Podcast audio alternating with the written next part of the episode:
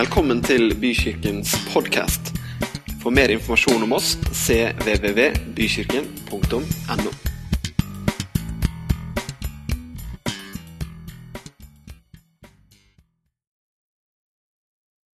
Det er veldig fint å se dere. Har dere hatt, eh, Hvor mange har vært på vinterferie på en eller annen måte? Oi, det er ganske mange, det. Noen er det fortsatt, tror jeg. Hvor mange har sett på TV? Hvor mange lot tårene strømme litt i går? Ja, jeg òg. Det var rørende da Therese tok revansj. Var ikke det? Virkelig, det var det. Som, det er noen som har sagt at det foregår et eller annet i dag òg, men det har jeg ikke noe oversikt over. Det er faktisk sant. det er et eller annet. Jeg så noen som sto og kikka ned i telefonen sin eller iPaden her i stad og skulle liksom holde seg oppdatert på det siste. Og fra akkurat nå så er ikke det lov, OK? Jeg mener det, altså. Nei da. Jo da, jeg mener det. Nå vet ingen hva jeg mener. Men nå er vi her. Er ikke det bra? Dere, alle vi som er her, vi har våre erfaringer. Ok? Snakk litt med meg i dag. Bare sånn litt. Så vi er, ja. Alle har erfaringer. Vi har, alle her har sine meninger. Ja, nå, nå, nå var det bedre liv! Vi har våre meninger. Og på mange måter så er liksom livet vårt som et sånn der uendelig langt matematikkstykke med en hel haug med faktorer.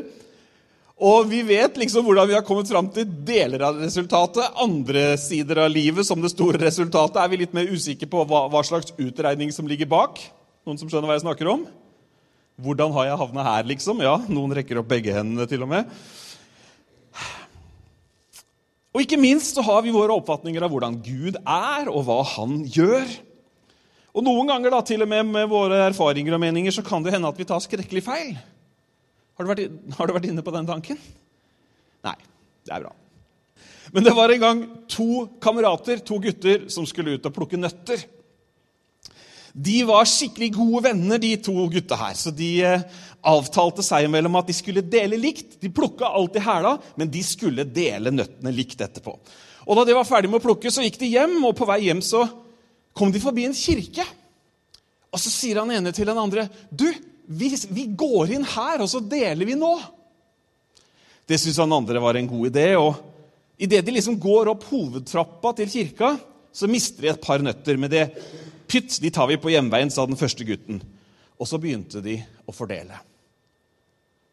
Og så var det sånn at kirketjeneren, klokkeren, han var ikke helt ferdig med jobben den dagen. Så plutselig så går han forbi døra til kirka, og så hører han stemmer inne i kirka. Og så blir han fryktelig nysgjerrig, og så hører han og Nå vet jeg ikke om vi klarer å få til det med litt klang, Asbjørn, det var et lite hint, men du vet, et sånt eh, gammeldags kirkerom det har jo en sånn spesiell akustikk, ikke sant? Veldig karakteristisk. Så hører han stemmer, og så lytter han, og så hører han En til deg, en til meg. En til deg, en til meg. Og kirketjeneren, han tenkte at dette må jo være Gud og djevelen som fordeler mennesker seg imellom. Så han løp som en gal til og henta presten og fortalte hva det var han hadde hørt. Og Presten han kom løpende til hovedtrappa. Han også stilte seg opp ved siden av kirketrederen og lytta. Og han hørte akkurat det samme.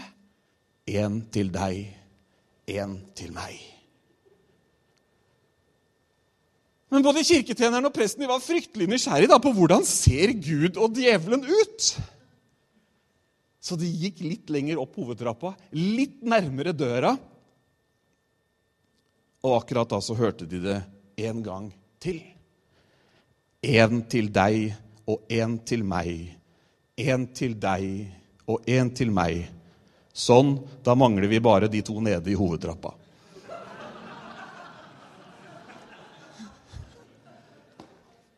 Nå er det jo ikke sånn, da. Men jeg syns det var litt morsomt allikevel. Ja.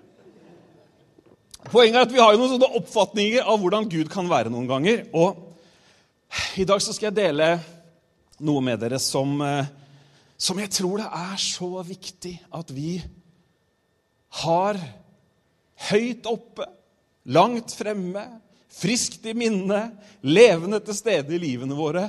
Noe som er selve grunnlaget for at du og jeg kan være Guds barn. Og jeg skal lese en tekst hvert øyeblikk. Men settingen i denne teksten Alle husker David som slo Goliat. Ja. David han var jo utvalgt. Han skulle være den neste kongen, og profeten Samuel hadde salva han. Profeten var på oppdrag og tenkte at det skal bli veldig lett å finne ut hvem som skal være den neste konge, for jeg bare tar den som ser sterkest og størst og best ut. Men så sa Gud nei, det er ikke han, og så henta de David, som var ute og gjetta sauene. Henta han tilbake, og så ble han salva som konge. Og så går han da i striden for Israel og nedkjemper Goliat. Kommer i kontakt med han som er konge nå, kong Saul, ikke sant? Og mange av dere kjenner historien, i hvert fall i bruddstykker.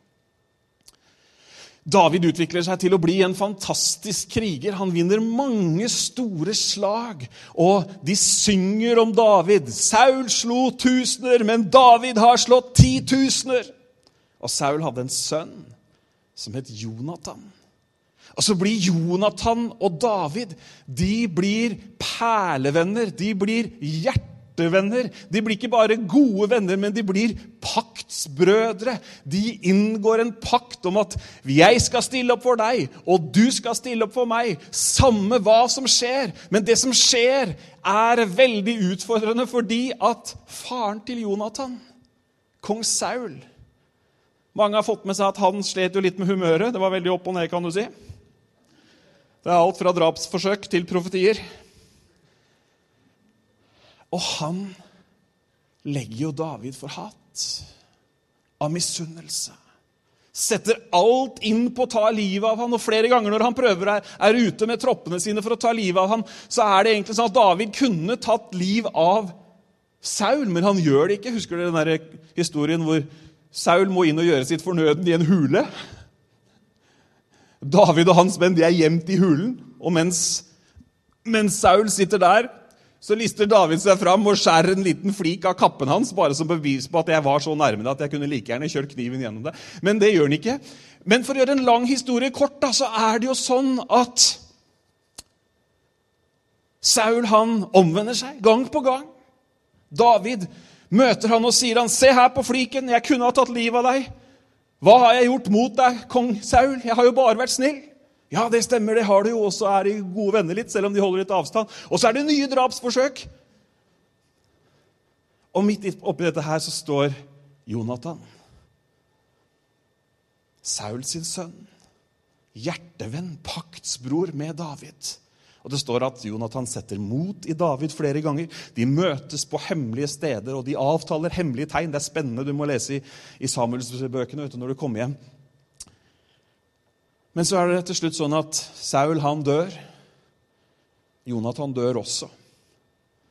Og så er David endelig konge. Akkurat som Gud har sagt.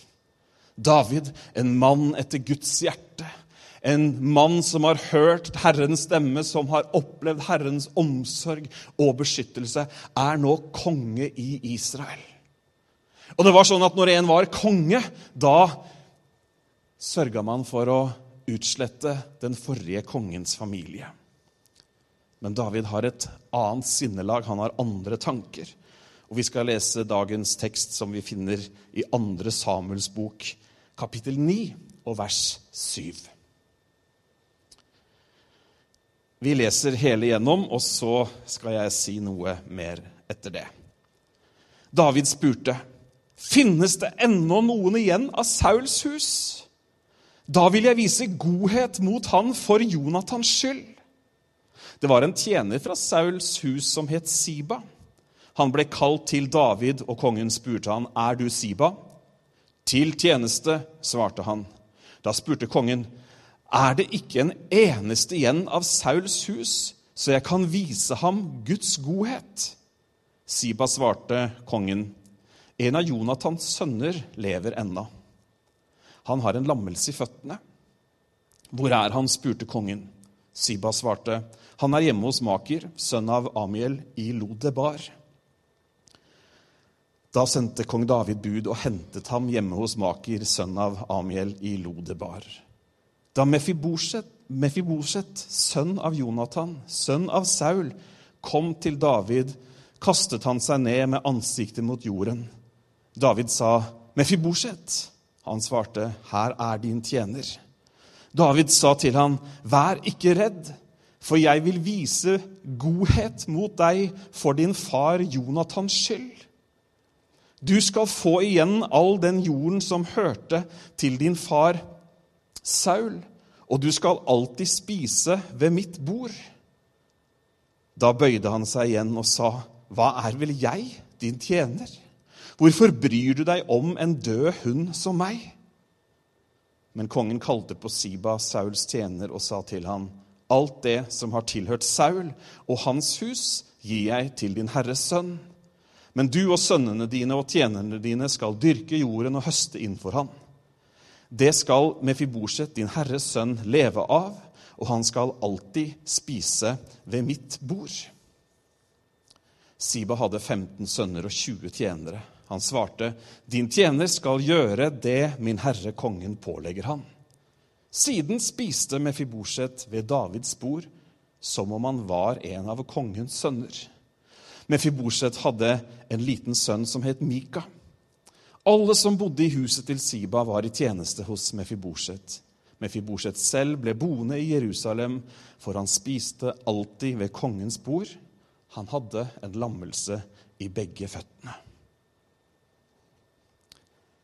Vet ikke hva det er som er foranledningen. Men det er som om eh, David plutselig våkner opp og husker hva han og Jonathan har avtalt. At han husker den godheten, den omsorgen, som de satte ord på. Og til tross for at Mefiboset egentlig er en trussel mot Davids trone, fordi han er en gjenlevende av den forrige kongen, er du med på tanken? Så har David et helt annet hjerte. Og så begynner han å gjøre undersøkelser, han begynner å spørre rundt, og så sier han Finnes det noen igjen av Sauls hus? Er det noen som jeg kan vise godhet og nåde mot? Hvorfor det?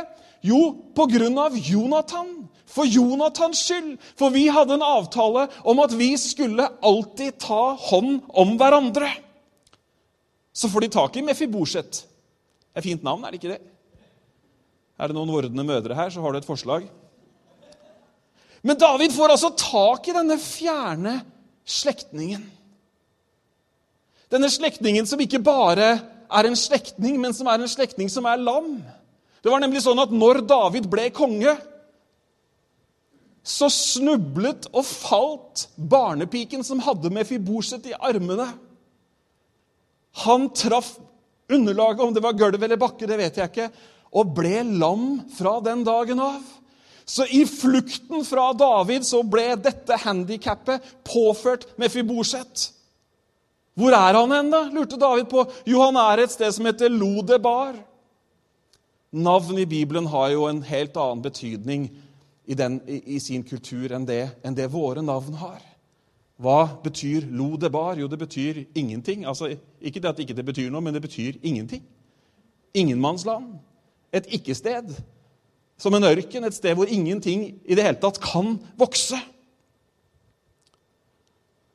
Og Jeg prøver å forestille meg Mefiboset.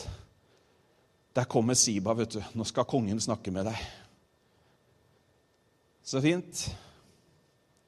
Jeg flykta fra han før, jeg, og betalt prisen. Jeg bor i et land utenfor der jeg egentlig skulle bo. Jeg bor i et land som ikke er noe sted å bo i det hele tatt. Og Mefiboset er vel egentlig smertelig klar over at han egentlig er ferdig. Hm. Hva er vel jeg, sier Mefiboset når han kommer. Hvorfor bryr du deg om en død hund som meg? Han regna seg sjøl som ferdig. Det var ikke bare historien familiehistorien som var over, men hans egen helse.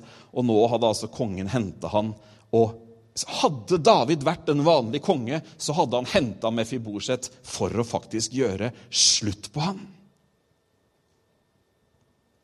Men hvorfor gjør David dette, dere? Har denne historien noe å si oss i dag? Den har veldig mye å si oss i dag. Det David gjør, er en godhetshandling. Det er en nådeshandling. Han viser nåde når straff egentlig var på sin plass. Det er ingenting Mefiboset har gjort eller sagt som gjør at David gjør dette. Nei, han gjør det for Jonathans skyld. Fordi det er inngått en pakt, fordi et løfte er gitt. Jeg tror ikke Mefiboset hadde sendt noe tiggebrev. Tror ikke han hadde sendt en sånn forsiktig antydning på at du, nå har det, jo slik, har det jo seg slik at etter at min far Jonathan og min farfar eh, Saul døde, så har jeg det ikke så veldig fett, så hadde det vært mulig å avse lite grann? Nei, han har levd i skjul. Han har holdt seg langt borte. Det er for Jonathans skyld. David og Jonathan elsket hverandre. Du vet, Det står det at vi skal elske vår neste som oss selv. Sånn kjærlighet var det mellom David og Jonathan. En nådeshandling. Nåde det betyr gratis. Noe ufortjent. En vennlighet, en godhet, en miskunnhet. Gunst. Nåde betyr også å bøye seg ned mot en som er ringere. Bøye seg ned i vennlighet. I Bibelen så er det sånn at når en ting gjentas, så er det fordi det er spesielt viktig. Og det er litt morsomt at I den teksten vi leste, så er det en frase som gjentas fire ganger i løpet av noen få vers. Og det er at Mefiboset han skal sitte ved kongens bord. Han skal alltid sitte ved kongens bord. Den som sitter ved kongens bord, er akseptert. Den som sitter ved kongens bord, har en verdighet den som sitter ved kongens bord, er det ingen hindring for at han faktisk Det finnes ingen hindring for at han faktisk kan være der. Og ved kongens bord, der er det overflod. Men det er jo ikke bare at han får mat. Mefiboset får jo en fullgod gjenopprettelse. Han får eiendommene tilbake. Han får landområder, han får bygninger, han får staben etter Saul som kan være med å forvalte, sånn at han faktisk kan leve godt. Han får være som en sønn. Vi leste i vers 11.: Siden spiste Mefiboset ved Davids bord som om han var en av kongens sønner. Mat nok, et liv i overflod, en prins. Jesus sa, 'Jeg er kommet for at dere skal ha liv, og liv i overflod'. En annen ting som gjentas to ganger, og som tydeligvis er litt viktig at vi får med oss, er at Mefiboset er lam. To ganger bare i disse versene så leser vi at han er lam. Hvorfor er det tatt med? Jeg vet jo ikke alle ting hvorfor alt er tatt med, men det er i hvert fall sånn at hvis du er lam, så er det På visse områder av livet så er du hjelpeløs. Og det var i hvert fall ingenting i Davids motiv som var noe sånt som at ja, nei, da får jeg en kriger til. Eller da får jeg en tjener til. Da får jeg en som kan være til nytte for meg. Nei, absolutt ikke. Det var ene og alene for Jonathans skyld. Ingen åpenbar grunn. Ingen sånn 'what's in it for me'-perspektiv. Jeg tar han med fiborset med, med, hjem, og så dekker jeg på etter en til. Og så lar jeg han få masse av eiendommen min. og så, altså Man skulle tenke at ja, men her er det vel en eller annen hake. En av mine besteforeldre sa alltid det er ingen som gir bort noe gratis. Altså, I vår menneskelige natur så har vi ofte en sånn Om ikke den er helt framme i bevisstheten, så har vi kanskje en baktanke eller en sånn Ja, nei, men hvis jeg er litt smart nå og trekker litt i de rette trådene og bruker de rette albuene, så kan det hende at dette faktisk faller litt tilbake på meg òg. Er du med på tanken? Her var det ingen sånne motiver i det hele tatt. Jeg er sikker på at mange rundt David til og med tenkte Har det klikka for kongen? Unnskyld meg, men han tar en tronarving fra den andre kongen. Han tar han inn og liksom lar han få del i de aller hemmeligste ting og få sitte ved bordet og spise. Unnskyld meg, men liker han å leve farlig? For Jonathans skyld. Noen jeg kan vise godhet mot. Dere, hva lærer dette oss? Vel, gjør godt mot folk. Det er fint. Det er ikke bare i kirkene de sier. Hold løftene dine. Også veldig bra. Kjempefint, det skal vi gjøre. Vær sann, vær tro med det du har sagt. Ikke glem vennene dine. Men dere, det sier oss noe mer. Det sier oss noe utrolig viktig om Gud. Og hør her, jeg har lyst til at du som tror at du vet hvordan Gud er, jeg har lyst til at du skal få med deg dette. Jeg har lyst til at du som har dine erfaringer med såkalte kristne, at du får med deg dette.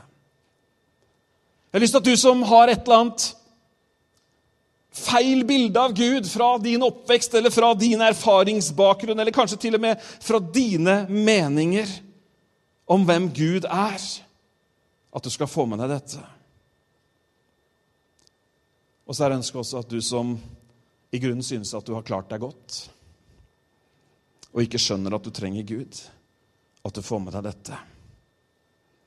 Denne historien er her i Bibelen, og vi deler den i dag fordi at Gud ønsker at vi skal skjønne og ta inn over oss hvor høyt han elsker oss. Hm. Hvor stor hans nåde er. Den historien er her fordi at han vil at du skal vite at han tar deg inn i sitt slott. Han tar deg inn og lar deg få sitte ved sitt bord, så du kan spise der. Og han vil at du skal vite at uansett hvor du befinner deg, og hvilket som helst ingenmannsland eller mellomsituasjon eller hvor du befinner deg, så kommer Hans nåde og oppsøker oss og henter oss til der hvor vi hører hjemme. Det er ikke fantastisk? Guds gode nåde. Og så tror jeg denne historien er her for at når du eller jeg i dag eller en annen dag tenker som Mefiboset at jeg er ikke verdt stort. Jeg spiller ikke noen rolle. Hvem er vel jeg? At når vi tenker det, så vil Gud at du skal vite at han tenker helt annerledes. Han vil at du og jeg skal sitte ved hans bord, vite at vi er invitert, inkludert, akseptert. At det er en plass for oss. Dere, jeg tror vi trenger å senke skuldrene våre. La sannheten om hva Gud har gjort for oss, få synke helt inn. Mefiboset var handikappet. Han hadde sine ting å streve med. Han var langt borte. Vi kan kanskje kjenne oss igjen i den ene eller den andre eller begge av de tilstandene. Paulus skriver til efeserne og sier, 'Husk at dere den gang var uten Kristus.' Utestengt fra borgerretten i Israel, uten del i pakten og løftene, ja, uten håp og uten Gud i verden. Men nå i Kristus Jesus er dere som er langt, var langt borte, kommet nær på grunn av Kristi blod. Finnes det noen igjen der ute av Sauls familie som jeg kan vise min godhet mot? Finnes det noen mennesker der ute, her inne, som Gud kan få vise sin nåde mot? Jeg har lyst til å vise deg noen ting ved nåden som jeg vil at du skal ta med deg. En ting som de aller fleste kristne har fått med seg, det er at man er frelst av nåde. Vi har hørt skriftstedet. Ok, Var det noen som til og med lo? Vi er frelst av nåde, det vet vi. Ok? Alle er her? Vi er frelst av nåde. Og det synes kanskje sånn innlysende, for det er vanskelig å frelse seg sjøl. Selv om det er mange som har prøvd det på ulike måter. Men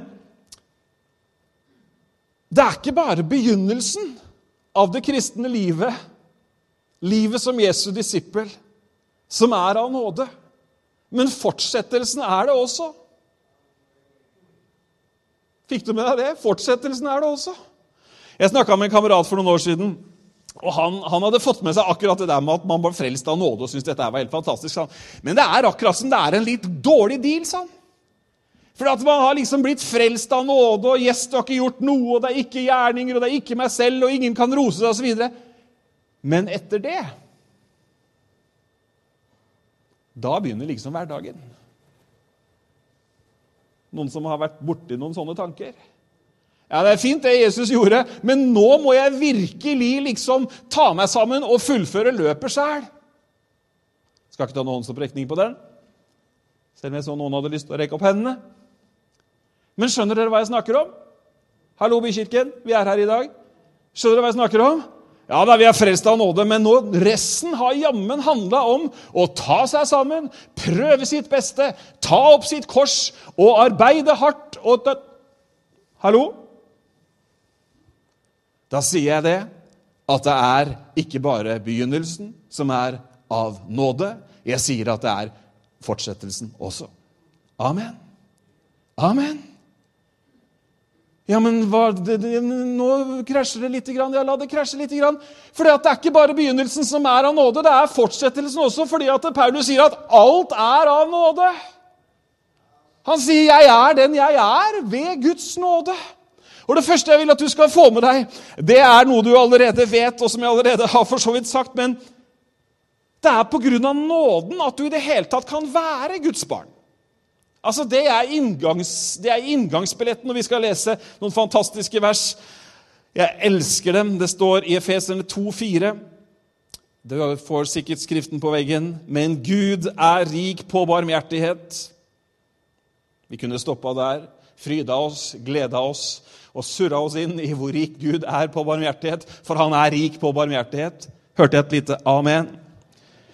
Fordi han elsket oss med en så stor kjærlighet, gjorde han oss levende med Kristus. Mefiborset trodde at hans siste time var kommet, men det var, kommet, men det var helt motsatt.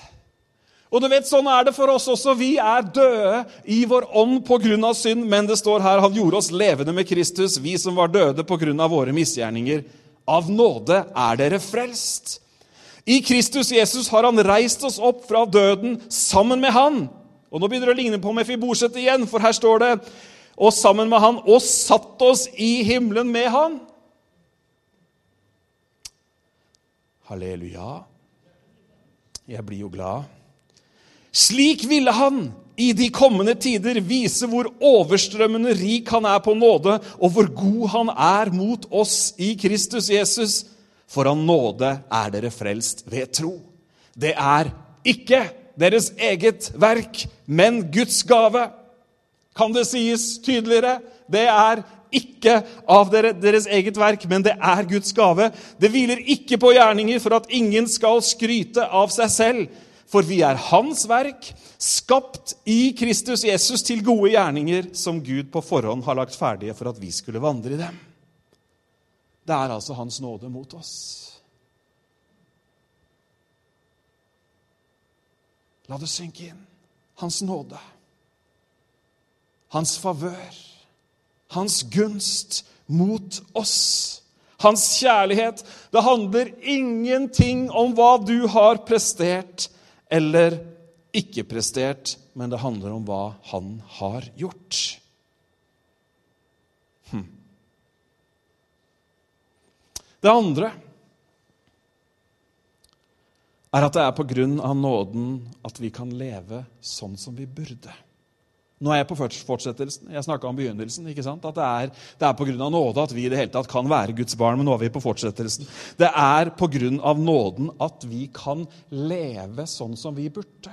Leve livet som kristne. La oss se i det som Paulus skriver til Titus, kapittel 2.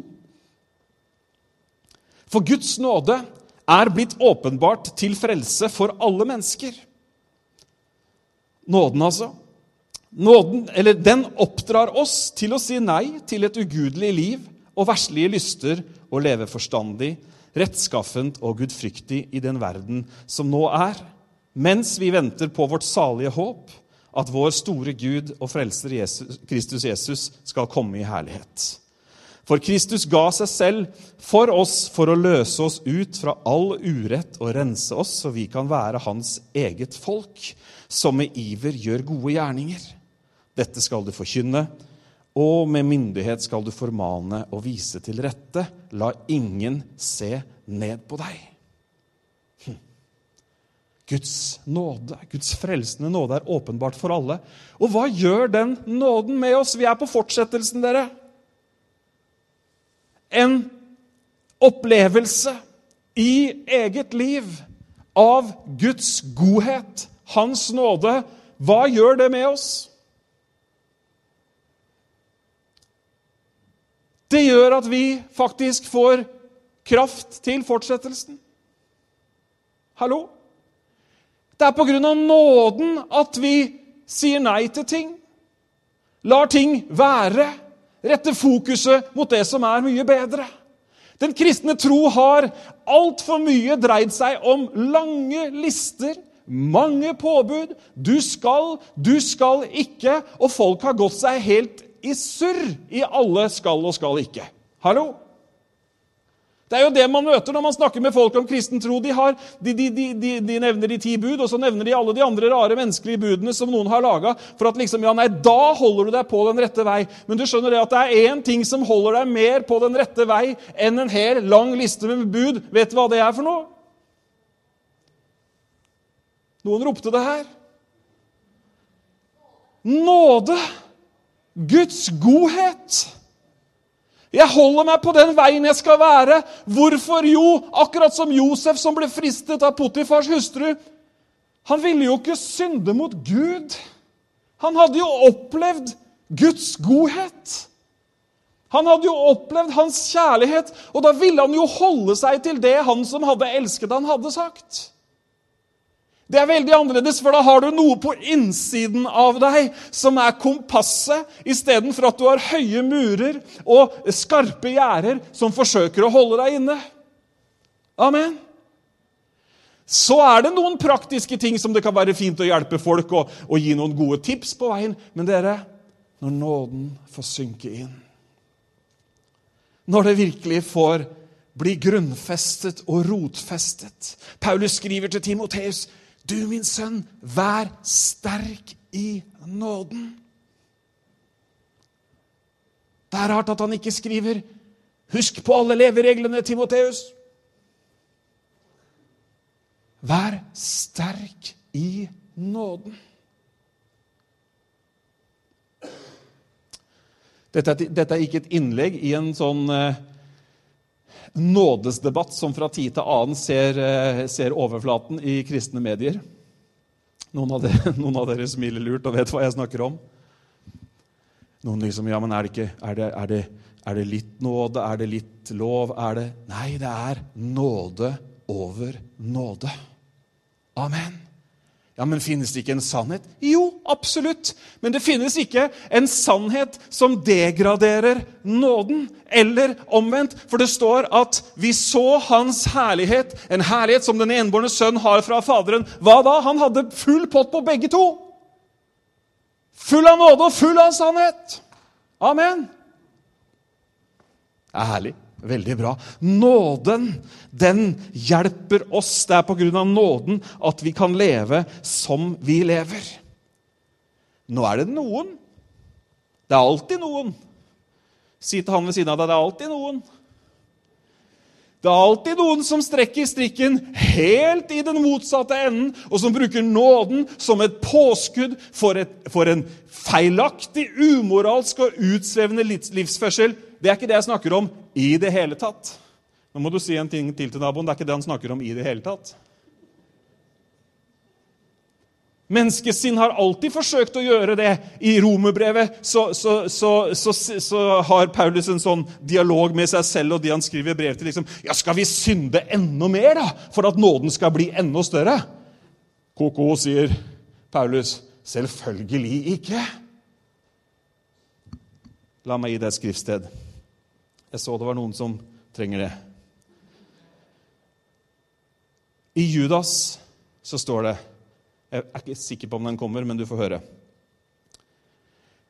Mine kjære, jeg har hatt et inderlig ønske om å skrive til dere om frelsen vi har sammen. Men nå ser jeg meg tvunget til å sende dere noen formanende ord om å kjempe for den tro som de hellige en gang for alle har fått overlevert. For det har sneket seg inn visse folk blant dere. Ugudelige mennesker som for lengst er oppskrevet til dom. De misbruker vår Guds nåde til et utsvevende liv, og de fornekter vår eneste hersker og herre Jesus Kristus. Ikke sant? Det kan komme noen som liksom Ja, nei, det er bare nåde. Så vi bare, vi bare liksom gir alt på båten, vi. Det er ikke det vi snakker om i det hele tatt. Da har man ikke opplevd nåden. Og Paulus advarer mot dem.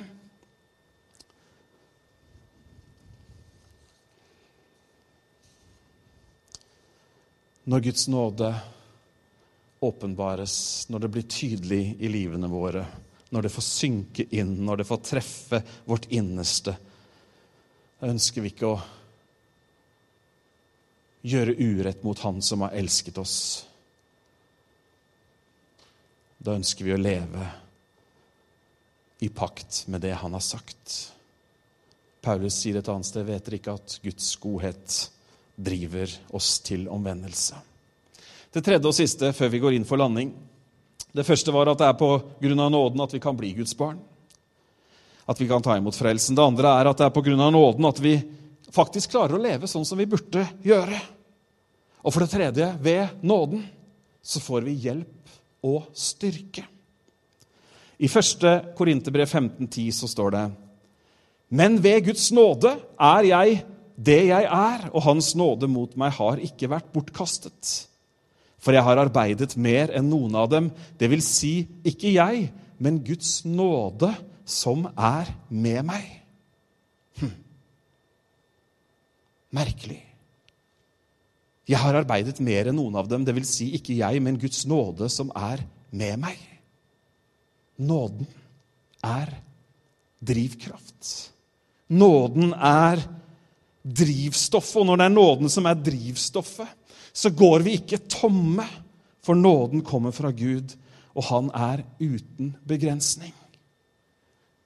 Når, man, når, det er nåden som driver oss til å gjøre det vi gjør, da er det ikke våre egne prestasjoner og vår egen lyst til å lykkes, men da er det Guds nåde som er drivkraften. Det kan være lett å møte veggen eller gå tom når det er i egen styrke man prøver å ordne opp i eget, og, noen, og noen ganger i andres liv.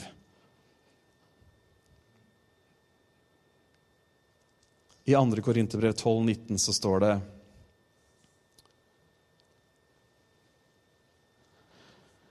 Men han svarte, Min nåde er nok for deg, for kraften fullendes i svakhet. Derfor vil jeg helst være stolt av mine svakheter, for at Kristi kraft kan ta bolig i meg. Og derfor er jeg fylt av glede når jeg for Kristi skyld er svak, blir mishandlet, er i nød, i forfølgelser og i angst. For når jeg er svak, da er jeg sterk. Ved nåden så får vi hjelp og styrke.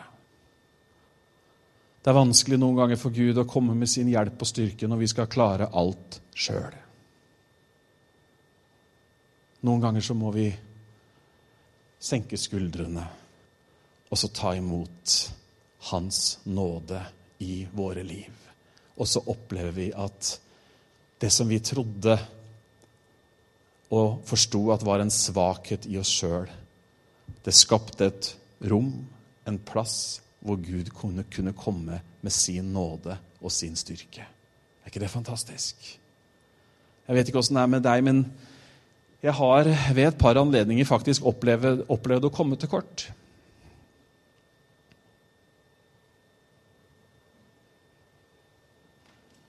Ja. Et par andre kjenner seg igjen. Og jeg tenkte at det Det der, det, det fikser nok ikke jeg nå. Kanskje ikke jeg hadde det så elendig som Mefiboset. Men jeg kan ha følt meg like lamma. Kan ha følt meg like borte. Kan ha følt meg like tom. Og så har det blitt akkurat den landingsplassen for Guds nåde i livet. Også i etterkant så vet man at det der At jeg i det hele tatt klarte den dagen, eller at jeg fullførte det løpet, det var ikke fordi at jeg klarte å ta meg sammen, men det var fordi at Guds nåde kom og ga meg styrke. Vi lever i en kultur hvor eh, vi skal lykkes, vi skal prestere. Vi skal ha ting å vise til. Og mange av de tingene kan på mange måter, i alle fall fra et menneskelig perspektiv, være gode. Være av det gode. Føre til noe godt også for andre mennesker. Men det er når vi tar med oss egne gjerninger, egne prestasjoner, det å få til noe, inn i gudslivet at det stopper opp. Det er så mange mennesker som blir stående fast i å prøve så hardt, eller i å bite tenna sammen og prøve å få noe til. Men jeg inviterer oss til å senke skuldrene og la Guds nåde komme med sin styrke, med sin hjelp. Og la Gud få bære oss, føre oss til bordet. Og Det står ikke noe om det i teksten, men det er en ting som jeg ser så tydelig for meg. Når Mefiboset sitter ved kongens bord så syns ikke lammelsen i beina. Så sitter han ved bordet, og det er ingen som kan se når du sitter inntil bordet, om du har korte eller lange bein, om de er sterke eller om de er svake.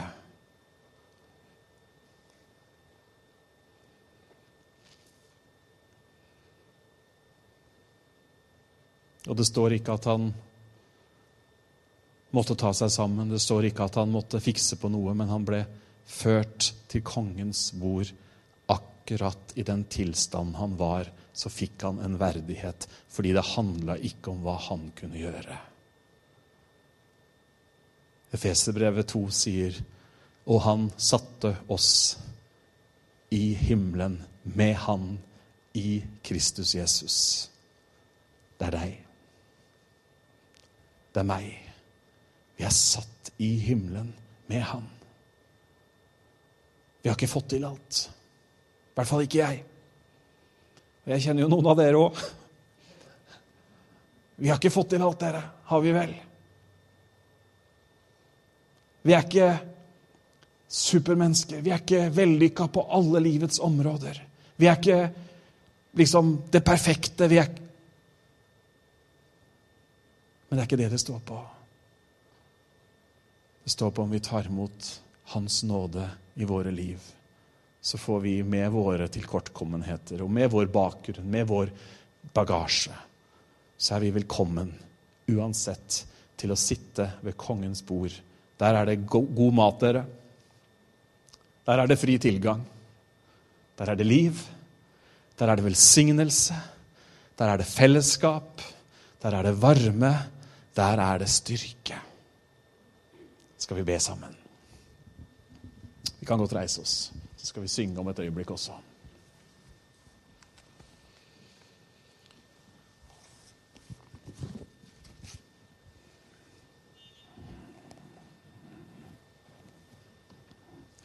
skal vi be sammen nå om, om lite grann. Og så vil jeg invitere deg til å tenke på ditt eget liv, din egen vandring med Herren. Det har, så, det har så lett for at vi som mennesker gang på gang, jeg merker i mitt eget liv, jeg merker det i andres liv, at pendelen slår over til at vi skal prestere, gjøre og få til noe sjøl. Ikke sant? Vi tror at det er vår evne til selvledelse, og det er vår evne til det ene og til det andre. Og den der pendelen, den svinger den veien. Den gjør det nesten automatisk gang på gang. og Derfor så tror jeg det er så viktig at vi minner oss om at det er av nåde at vi er den vi er. Paulus han skriver det hver gang han skriver brevet. Så, så starter han brevet med å si på litt ulike måter, men så sier han nåde være med dere. En sånn konstant påminner.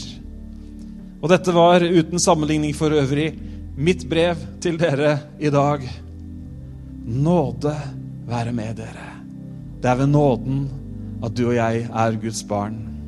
Det er ved nåden, Guds nåde, at vi kan leve det livet som Han har kalt oss til. Og det er ved Guds nåde at vi får hjelp og styrke til å gå den neste distansen. Herre, jeg takker deg for hver eneste en som står her. Takk for dette fellesskapet.